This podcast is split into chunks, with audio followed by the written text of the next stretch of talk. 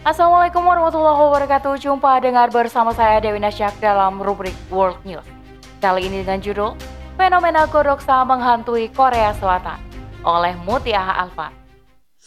Kehidupan sekuler menyuburkan berbagai perilaku maksiat yang akan berdampak pada nestapa hingga maut menjemput.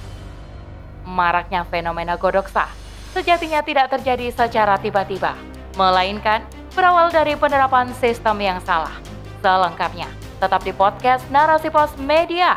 Narasi Pos, cerdas dalam literasi media, bijak menangkap peristiwa kunci.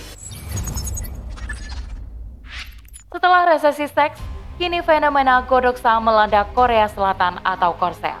Pada tahun 2021, sekitar 3.378 orang mengalami godoksa, di mana angka ini naik 2.412 sejak 2017 lalu.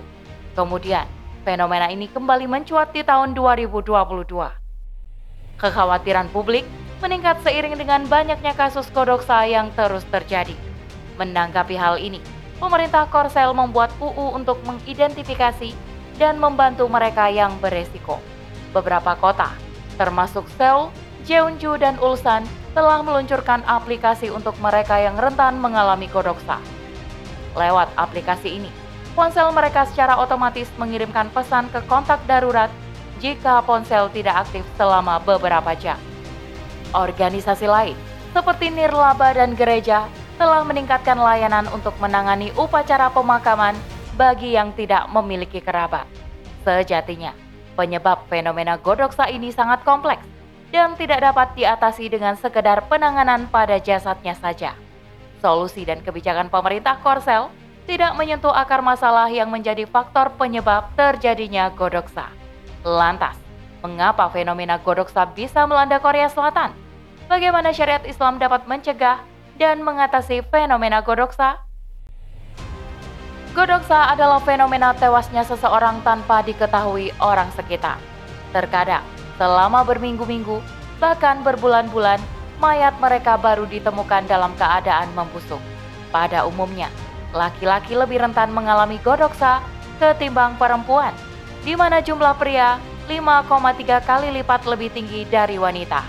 Sebanyak 60% kematian godoksa berusia 50 sampai 70-an tahun dan 6% berusia 20 dan 30-an tahun. Berdasarkan laporan Badan Statistik Korea dari 2016 hingga 2021, jumlah rumah tangga dengan anggota keluarga tunggal melonjak dari 5,39 juta menjadi 6,64 juta. Pada umumnya, maraknya keluarga tunggal disebabkan karena kemiskinan, perceraian, dan hidup membujang. Setelah pensiun, laki-laki akan kehilangan posisinya dalam rumah tangga dan masyarakat.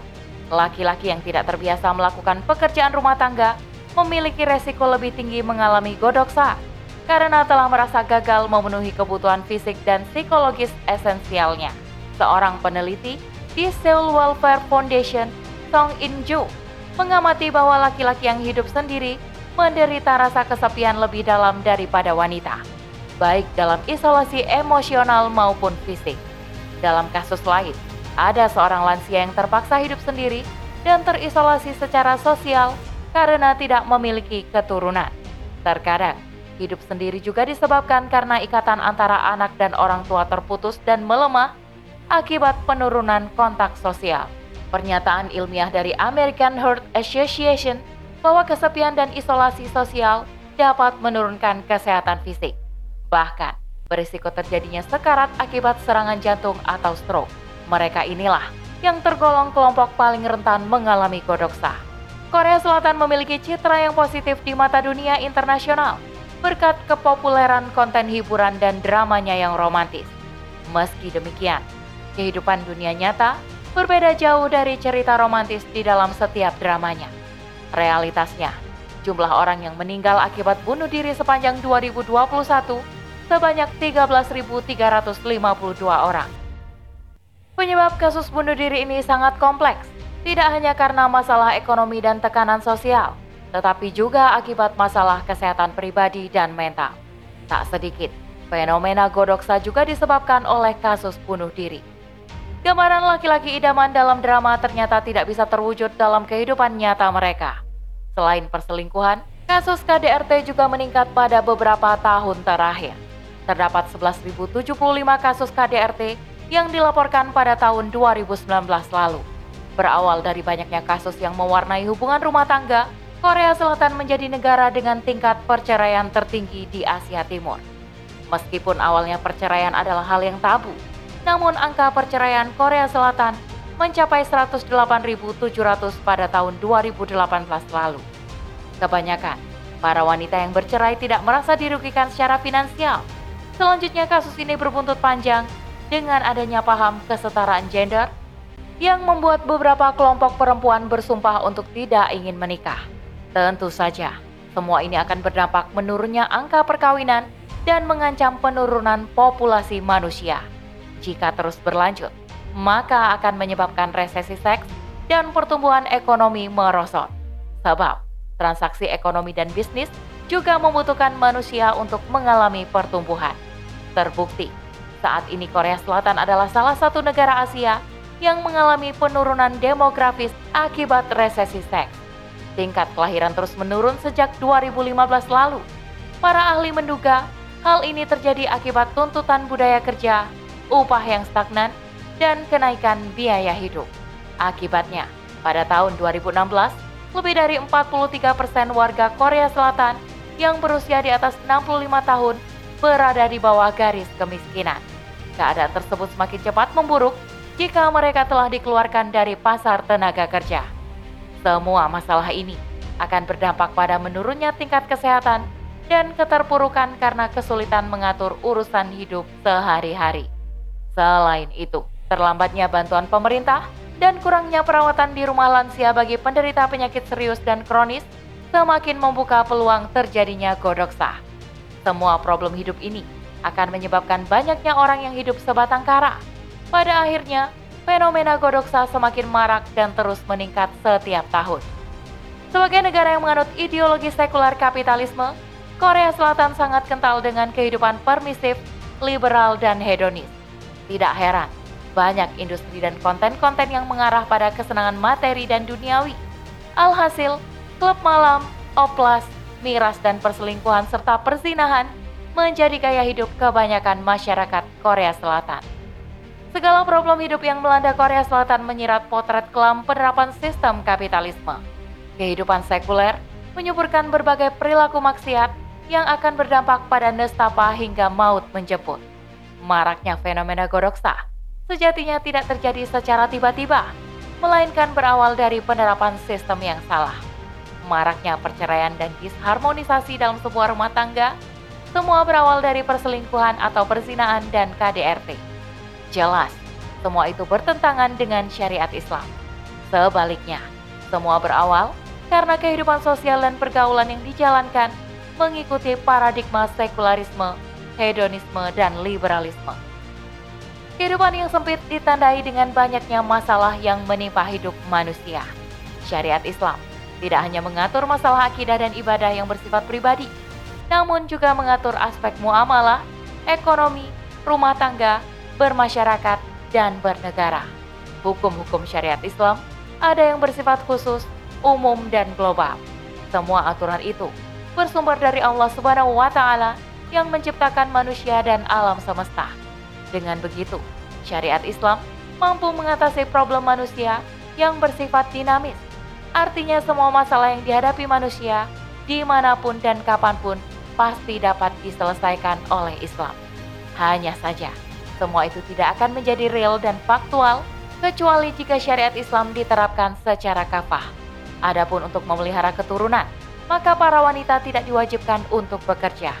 Laki-laki yang bertugas sebagai pencari nafkah sedang negara menjamin terpenuhinya hajat hidup rakyatnya, sehingga keluarga tidak perlu risau dan cemas jika memiliki keturunan dengan jumlah yang diinginkan. Rasulullah Shallallahu Alaihi Wasallam pernah bersabda, "Nak, nikahilah perempuan yang penyayang dan dapat mempunyai banyak anak. Sesungguhnya aku akan berbangga dengan banyaknya jumlah kalian di hadapan para nabi nanti di hari kiamat."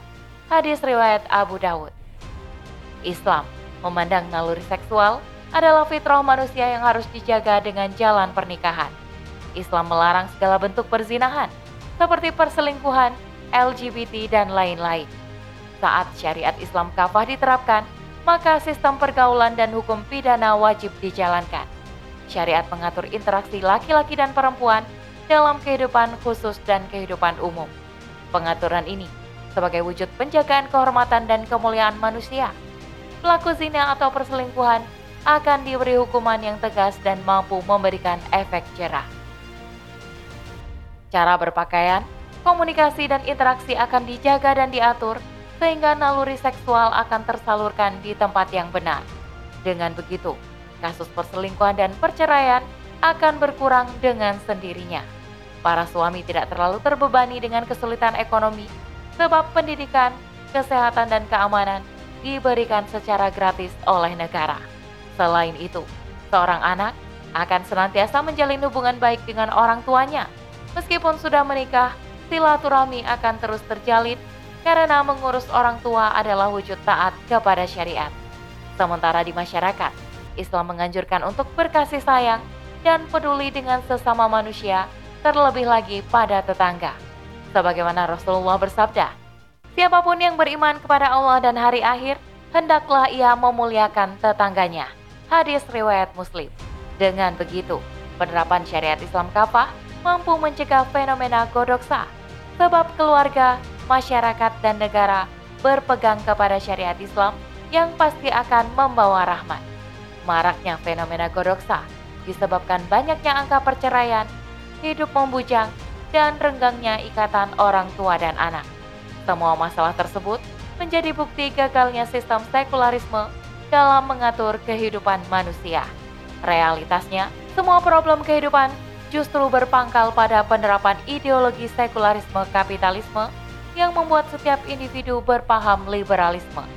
Dan fenomena godoksa tidak dapat dihilangkan dengan sekedar penanganan dan pelayanan prosesi pemakaman saja.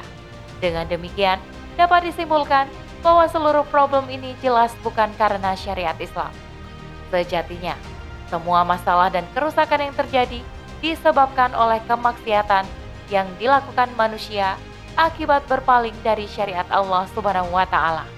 Sebagaimana firman-Nya, siapa saja yang berpaling dari peringatanku, maka sungguh bagi dia penghidupan yang sempit.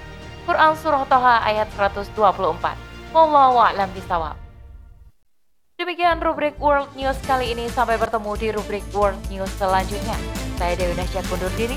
Aku Miko. Wassalamualaikum warahmatullahi wabarakatuh.